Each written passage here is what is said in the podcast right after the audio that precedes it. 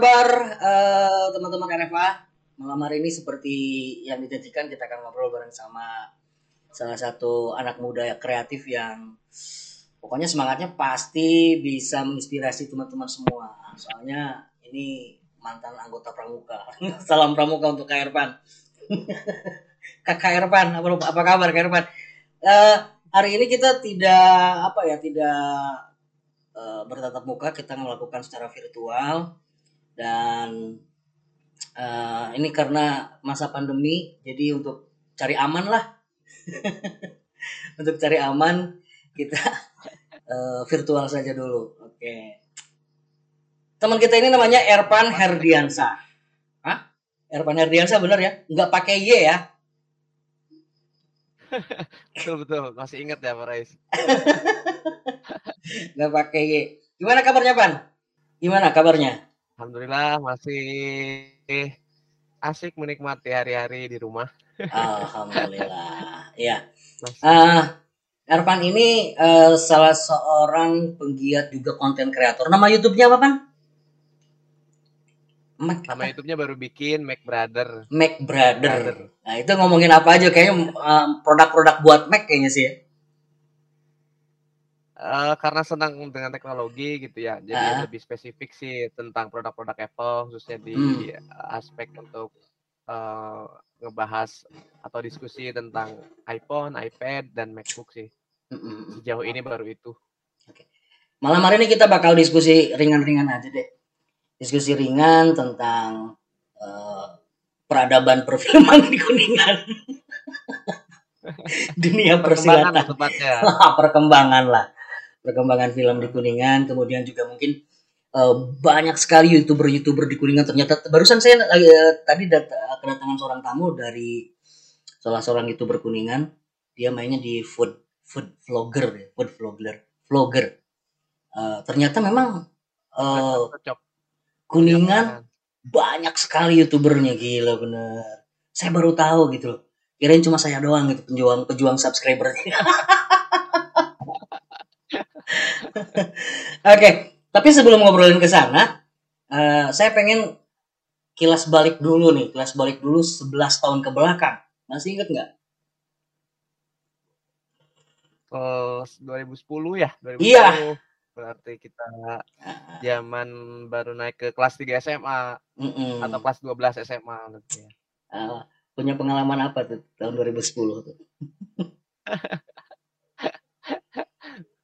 Ya, sebenarnya 2000 kita kenal udah cukup lama sebenarnya sama Pak Aris itu dari masuk pramuka kita tahun 2008, 2009. Cuman di 2010 itu punya kesempatan yang lebih sering untuk bertemu dan ngobrol tentang industri kreatif. Karena kita waktu itu kebetulan eh, ada kesempatan untuk produksi, kebetulan khusus untuk film pramuka yang sifatnya itu masih lokal walaupun masih lokal. Tapi merupakan sebuah kesempatan yang kayaknya em, istimewa di masa itu karena memang yang Betul. namanya orang eh, berseputar di bidang media dengan kamera dengan handphone itu masih belum seramai sekarang belum belum jadi ya. merupakan sebuah kesempatan atau eh, bisa dikatakan kayak semacam privilege lah yang bisa Ya. didapatkan anak-anak pramuka SMA Cawigba khususnya Mm-mm. dan khususnya eh, Erpan dan kawan-kawan waktu itu. Ya, kita waktu itu terlibat dalam satu produksi dan dulu belum belum jadi rumah film Avandi, masih GP Production, masih GP Production. Dan kita dapat Ya. kesempatan untuk memproduksi sebuah film yang kebetulan eh, skenario nya ditulis keroyokan bareng sama teman-teman dari Cirebon. Kemudian di- disutradari oleh Mas Wawan Erantono juga saya ikutan main di situ dan itulah program atau project bikin film yang semi profesional. Kenapa disebut semi? Karena memang karena memang apa standarnya masih di bawah standar umum.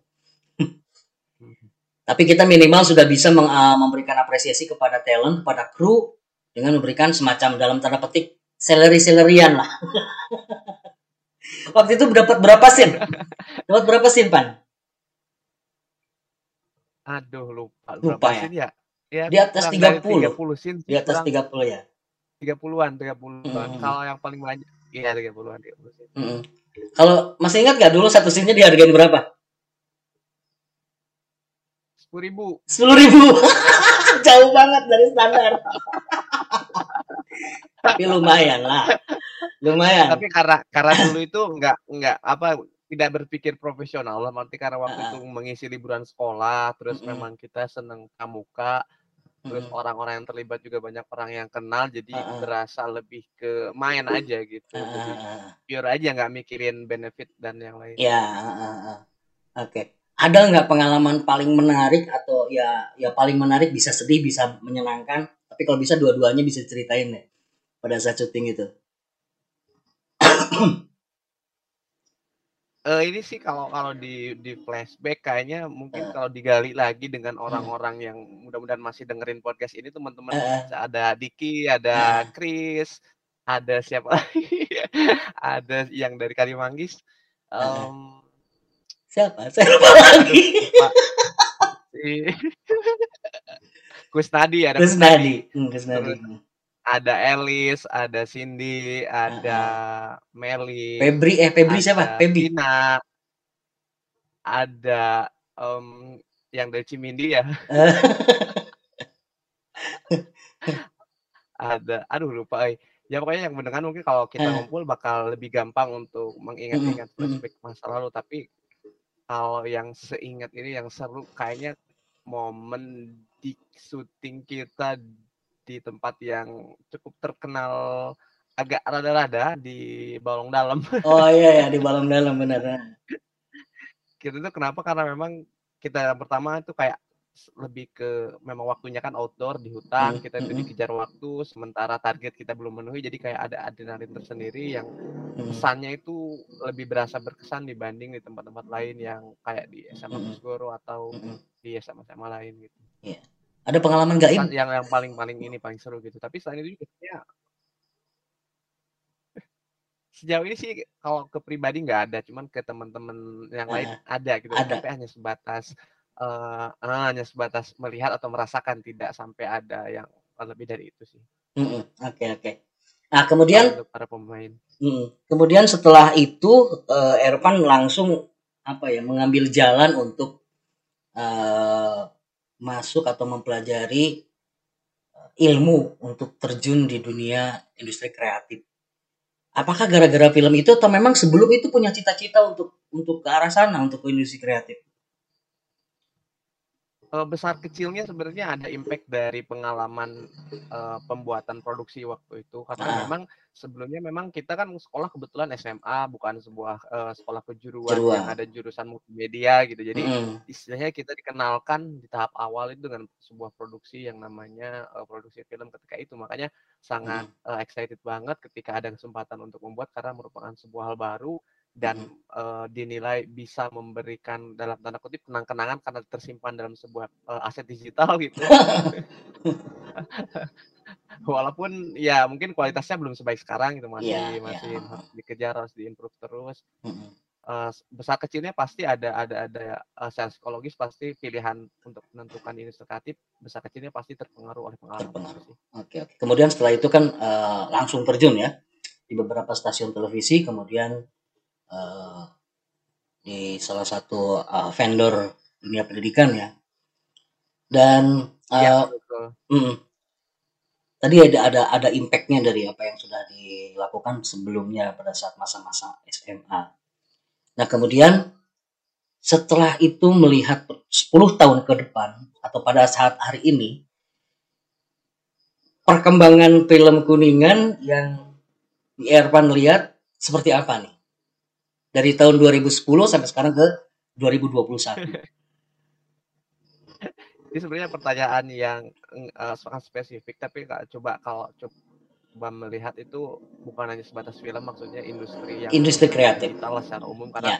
eh, eh, kalau secara film karena nggak memperhatikan secara spesial atau khusus dan mengikuti secara khusus gitu ya, cuman secara umum tentu perkembangannya karena didukung dengan era atau teknologi beserta alat-alatnya, terus juga ada medianya disediakan itu berupa YouTube, TikTok, Instagram dan yang lainnya itu ini membuat kesempatannya itu jauh lebih terbuka baik kesempatan untuk mengekspresikan diri maupun kesempatan untuk belajarnya itu sekarang tuh jauh lebih gampang jauh lebih terbuka dan bisa dilakukan otodidak gitu asal ada Ya, kemauan ya. gitu.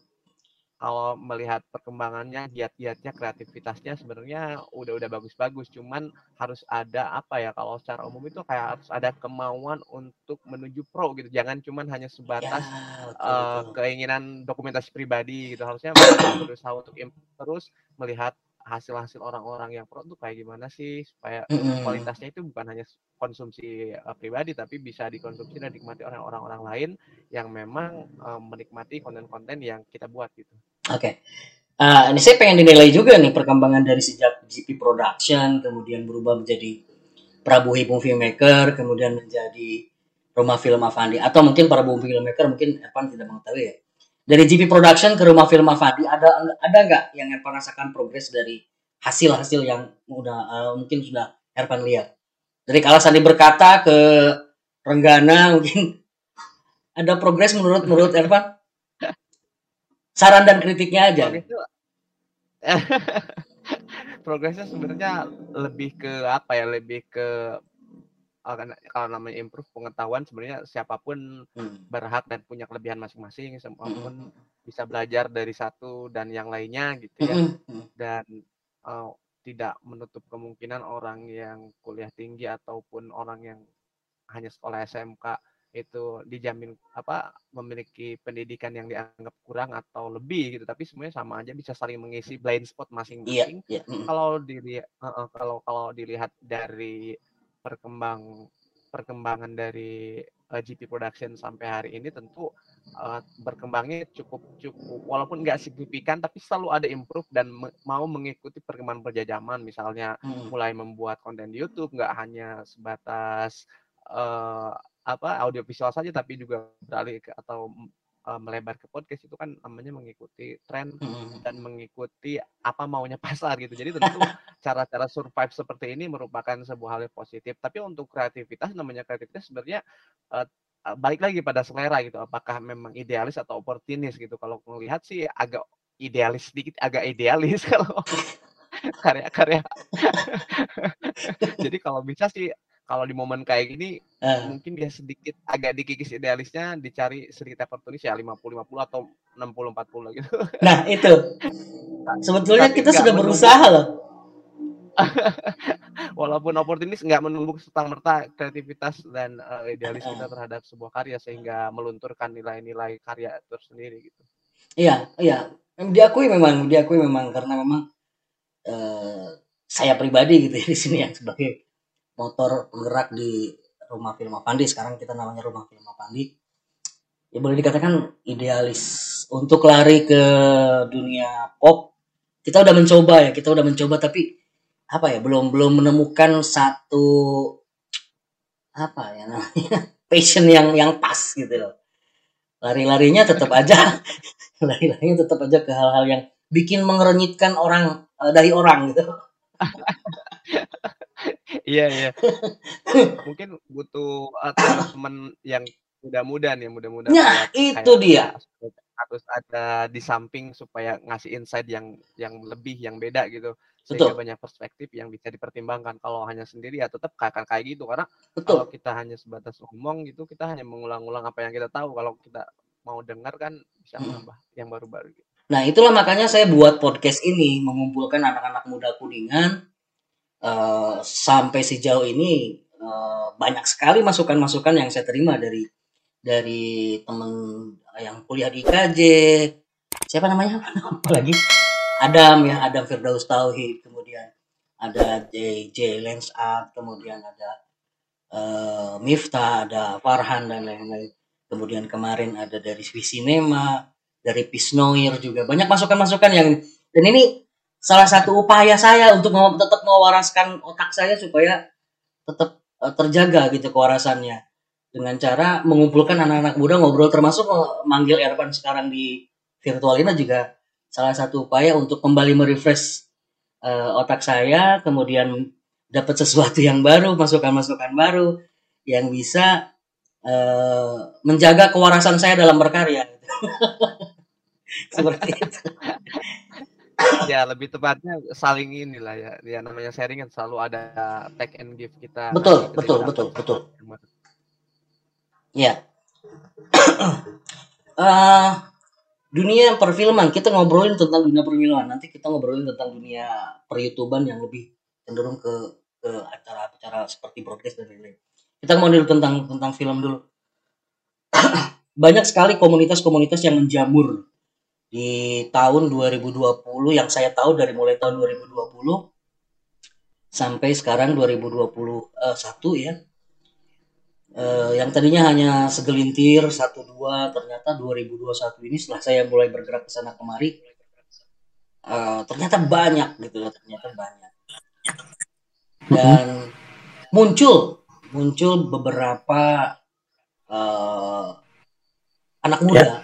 anak muda yang mencoba untuk membuat satu forum barangkali sudah pernah mendengar tentang forum film kuningan apa sih yang harus dilakukan oleh forum film Kuningan menurut Ervan? Nah kalau sebenarnya langkah-langkah pertama tentu harus apa ya kak, melihat orang-orang yang sudah punya track record yang cukup baik di dunia atau di industri film dan industri kreatif untuk hmm. mau mulai aktif lah minimal aktif dulu untuk berkomunikasi gitu dan besar harapan juga kita bisa untuk melobi di uh, bagian pariwisata di Kuningan mungkin untuk hmm. menyediakan fasilitas karena semua itu akan sangat lebih mudah gitu ketika hmm. pemerintah ikut coba menganggarkan bagian dari dana dari pemerintah itu untuk uh, kreativitas anak bangsanya gitu anak mudanya hmm. kenapa karena memang ada budgetnya untuk alokasi tersebut karena kalau kuningan kalau kita melihat uh, dalam hal uh, pariwisata yang mungkin hanya belum bisa di bersaing lah dengan tempat-tempat uh, tempat lainnya karena memang uh, uh, di tempat lain masih banyak yang lebih bagus gitu tapi hmm. coba kita apa gitu yang belum ada di kuningan tapi punya potensi ya. Pikir perfilman dan industri kreatif itu kayaknya punya potensi yang cukup baik. Selain antusiasme yang tinggi sekarang juga momennya momen yang pas karena era konvergensi media gitu. Hmm. kayaknya kalau selain uh, selain kita menghimpun dari dalam gitu dari orang-orangnya kita juga harus coba menghubungi gitu mengkonek dengan pemerintah setempat untuk memberikan minimal wadah gitu untuk terus mengimprove uh, masing-masing wadah wadahnya harus sebuah kemudahan dan uh, wadahnya harus dibikin oleh pemerintah gitu atau gimana? Uh, ya lanjut lanjut. Wadah wadah itu yang bikin kita atau yang bikin wadah itu adalah pemerintah? Oh tentu harus kita inisiasi terlebih dahulu. Kita harus mm. uh, apa tunjukkan dulu. Jangan sampai kita istilahnya jadi kurang mandiri gitu. Tapi harus mandiri ini ya. Kita wadahnya udah ada tapi tinggal minta dukungan pemerintah untuk mengalokasikan karena kalau dari sektor uh, produktif kayak misalkan uh, kuliner kan udah jalan mm. terus dari pariwisata agak lumayan jalan walaupun kayaknya nggak terlalu gitu ya masih bisa diimprove lagi ya cobalah pemerintah tuh memang harus sedikit agak melek karena uh, ngikuti zaman gitu ngikuti zaman mungkin kayak pem pemkot Bandung itu udah udah bagus banget. Kalau pemkot Bandung mereka itu udah uh, melek digital gitu. Mudah-mudahan kuningan juga bisa ngikut kayak gitu sih harapannya. Karena memang okay. uh, baru banget kan bermunculan juga udah ada stand up uh, Indo Kuningan itu yeah. sangat positif banget gitu Hmm. kalau kalau filmnya mah udah pasti banyak lah kalau film-filmnya udah banyak banyak banget komunitas-komunitas kuningan itu sebenarnya hmm. tinggal kayak perlu ada supaya biar semuanya itu ngeblend aja jadi sebuah industri kreatif kuningan mau itu stand up komedi mau itu ntar hmm. teaternya mau itu uh, filmnya supaya ntar itu akan ada kemudahan bisa saling informasi bisa saling melengkapi ke dalam kebutuhan produksinya kan gitu ya tapi kesulitan di lapangan yang kita temukan saya pribadi temukan ya nggak berani boleh bilang kita sih. Tapi ya kurang lebih lah kurang lebih lah sama lah dengan apa yang dialamin sama teman-teman di forum film kuningan. Untuk menyatukan untuk menyatukan itu agak susah karena apa ya namanya ada semacam ego gitu. Atau bahkan ada yang mengklasisi, mengklasifikasikan gue udah pro ah lu masih amatir gitu. Hmm. atau atau gini eh siapa lu? Lu bikin komunitas siapa lu? gitu. Ada ada ada semacam semacam uh, apa ya praduga seperti itu gitu loh. Jadi apa yang harus dilakukan untuk untuk bisa meminimalisir eh, tantangan-tantangan seperti tadi?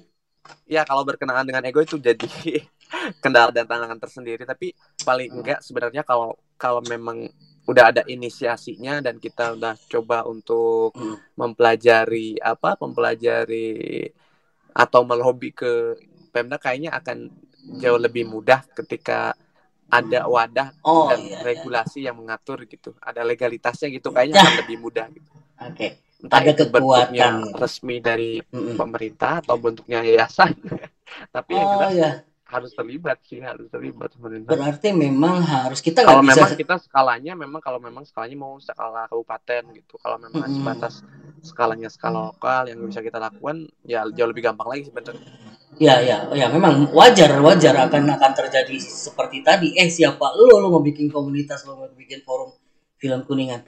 Karena memang eh, orang akan melihat kalau itu sudah ada legalitasnya dari pemerintah. Mungkin di sini pemerintah akan lebih apa namanya punya kekuatan gitu, punya kekuatan supaya eh, organisasi-organisasi yang ada di ataupun komunitas-komunitas yang ada di kuningan ini bisa eh, boleh dalam tanda petik gitu ya dalam tanda petik tunduk dan mau masuk ke dalam bukan tunduk sih. Kalau tunduk terlalu terlalu apa ya terlalu ekstrim kayak jadi dikte kayak gitu. Mau gabung lah mau gabung. Mengikuti mengikuti, lah mengikuti mengikuti. Memang harus seperti itu berarti ada harus ada peran per- peran pemerintah atau mungkin sosok ya sosok sosok ini ya sosok yang di ah, dituakan gitu mungkin ya di kuningan. Ya betul betul betul nggak nggak sebenarnya memang nggak nggak nggak melulu kita mengalahkan pemerintah cuman harapan kita gitu kan eh, wadahnya ada terus memang secara alokasi biaya kalau nggak salah dari eh, apa dari industri kreatif itu untuk daerah itu kan ada juga untuk bagian Mm. film dan industri kreatif gitu. Atau memang harus ada orang yang istilahnya dituakan gitu sebagai yayasan sehingga akan ada impact dan uh, power yang dia kasih itu bisa merangkul semuanya gitu. Jadi entah itu pemula ataupun orang yang punya pengalaman panjang jadi ngerasa semuanya dirangkul jadi satu sehingga Mm. ngeblend bareng-bareng gitu. Walaupun pasti nggak semua nggak bisa juga 100% pasti ada aja yang ngerasa ini ngerasa itu karena nggak semua orang punya pemikiran sama iya semua orang betul. juga belum tentu peduli terhadap orang-orang di daerahnya. Mm. nah eh, ini memang kendala banyak sekali ya kendala banyak sekali. Karena memang ada yang saya tahu saja. Jujur aja sekarang saya masuk di beberapa grup WA organisasi yang berbeda-beda gitu. organisasi yang berbeda-beda dan bikin bingung. Ketiga organisasi itu nggak bisa ngeblend. Saya yakin nggak bisa nggak bisa nggak bisa apa ya. Mungkin visi misinya berbeda gitu visi misinya berbeda.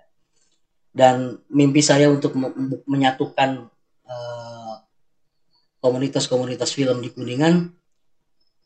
Sementara ini saya simpan dalam-dalam. Saya simpan dalam-dalam karena yang ngikutin lah. Artinya kita sudah berusaha menginisiasi eh, kemudian membuka jalan dan yang lain-lain. Tapi ketika melihat di lapangan seperti itu semangat saya jadi turun lagi.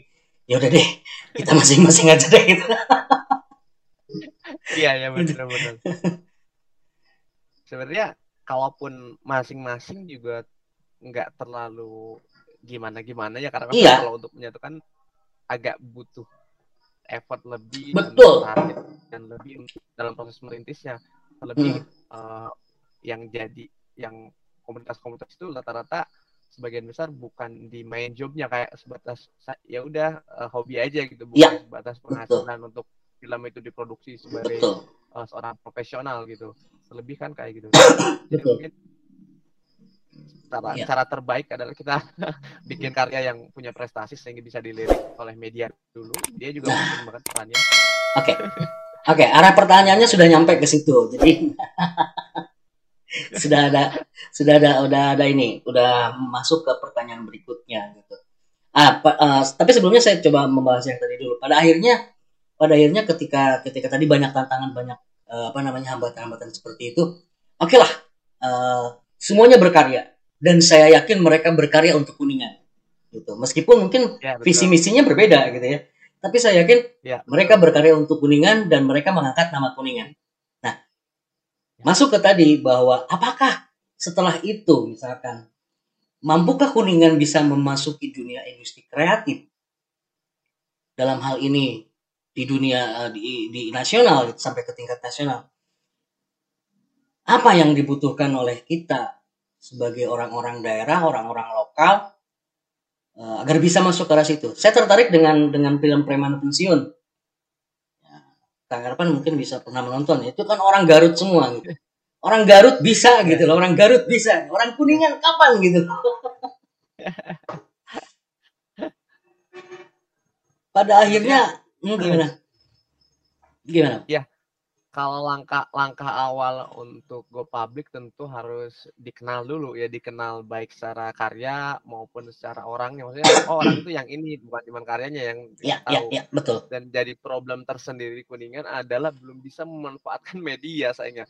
Termasuk uh, dari pemkapnya sendiri komunikasi di medianya itu agak sedikit kurang. Kayak tidak memanfaatkan media baik secara um, media di televisi ataupun media di sosial media di sosial media tentunya yang lebih cepat gitu ya ataupun di YouTube. Kayaknya hmm. pemkapnya sendiri masih agak old mind lah istilah Pak Mardigu sih. Mm, old mind ya old bukan new, iya bukan new mind yang mm, yang bisa memanfaatkan media. Sebenarnya kalau dengan memanfaatkan media uh, dari semua lembaga terkait gitu khususnya mulai dari pemerintah yang terlebih dahulu kayaknya itu akan lebih mempermudah diekspos apa-apa yang ada di daerahnya bukan nah. cuman uh, industri kreatif bukan cuman uh, perfilman tapi bisa juga kulinernya bisa juga wisatanya gitu jadi akan jauh lebih mudah untuk mengekspos apa pun kalau bisa memanfaatkan dengan baik media gitu.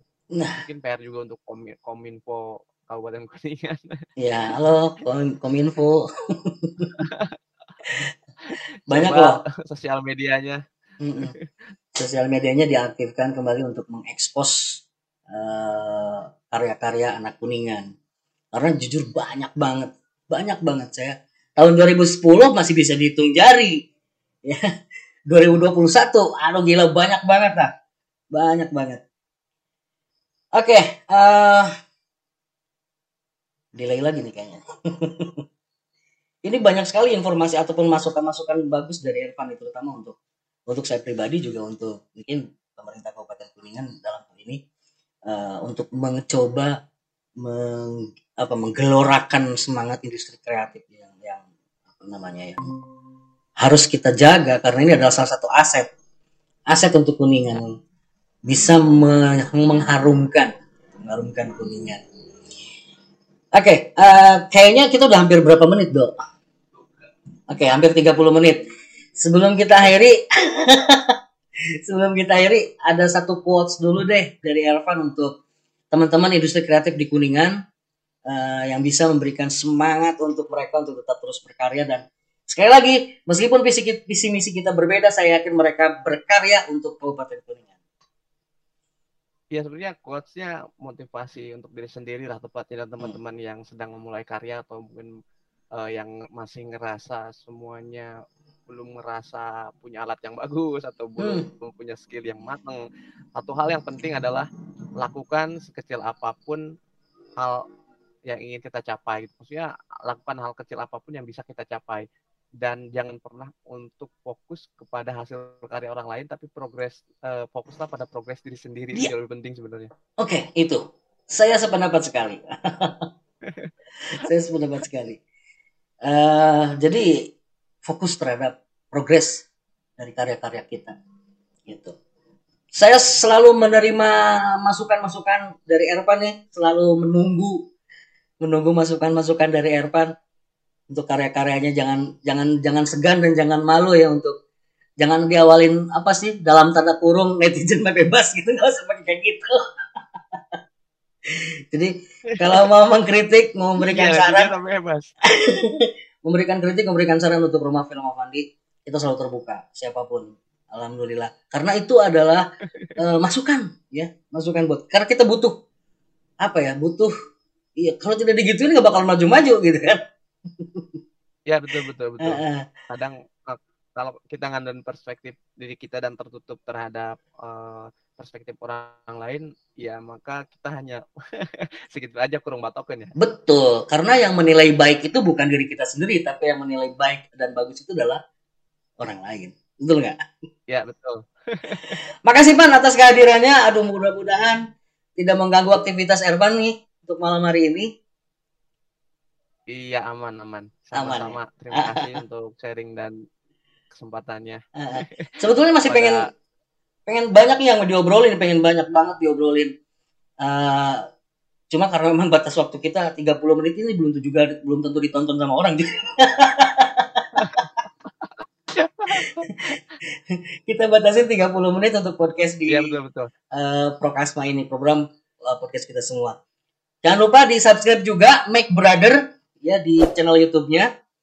Terus jangan lupa juga subscribe juga Rumah Film Avandi karena dengan subscribe, menonton dan memberikan like itu sama saja dengan menyumbang satu buah batu bata untuk membangun eh, ruang screening di belakang sana. Oke, Mudah-mudahan tahun eh, akhir tahun bisa terlaksana kita punya ruang screening buat nonton bareng-bareng. Jadi teman-teman yang punya karya kita tonton bareng-bareng, kita bedah bareng-bareng, kita diskusikan bareng-bareng. Oke, gitu untuk semuanya teman-teman RFA, makasih atas eh, kehadirannya bareng sama kita. Sampai ketemu minggu depan. Makasih Ervan, dadah dan salam sinema.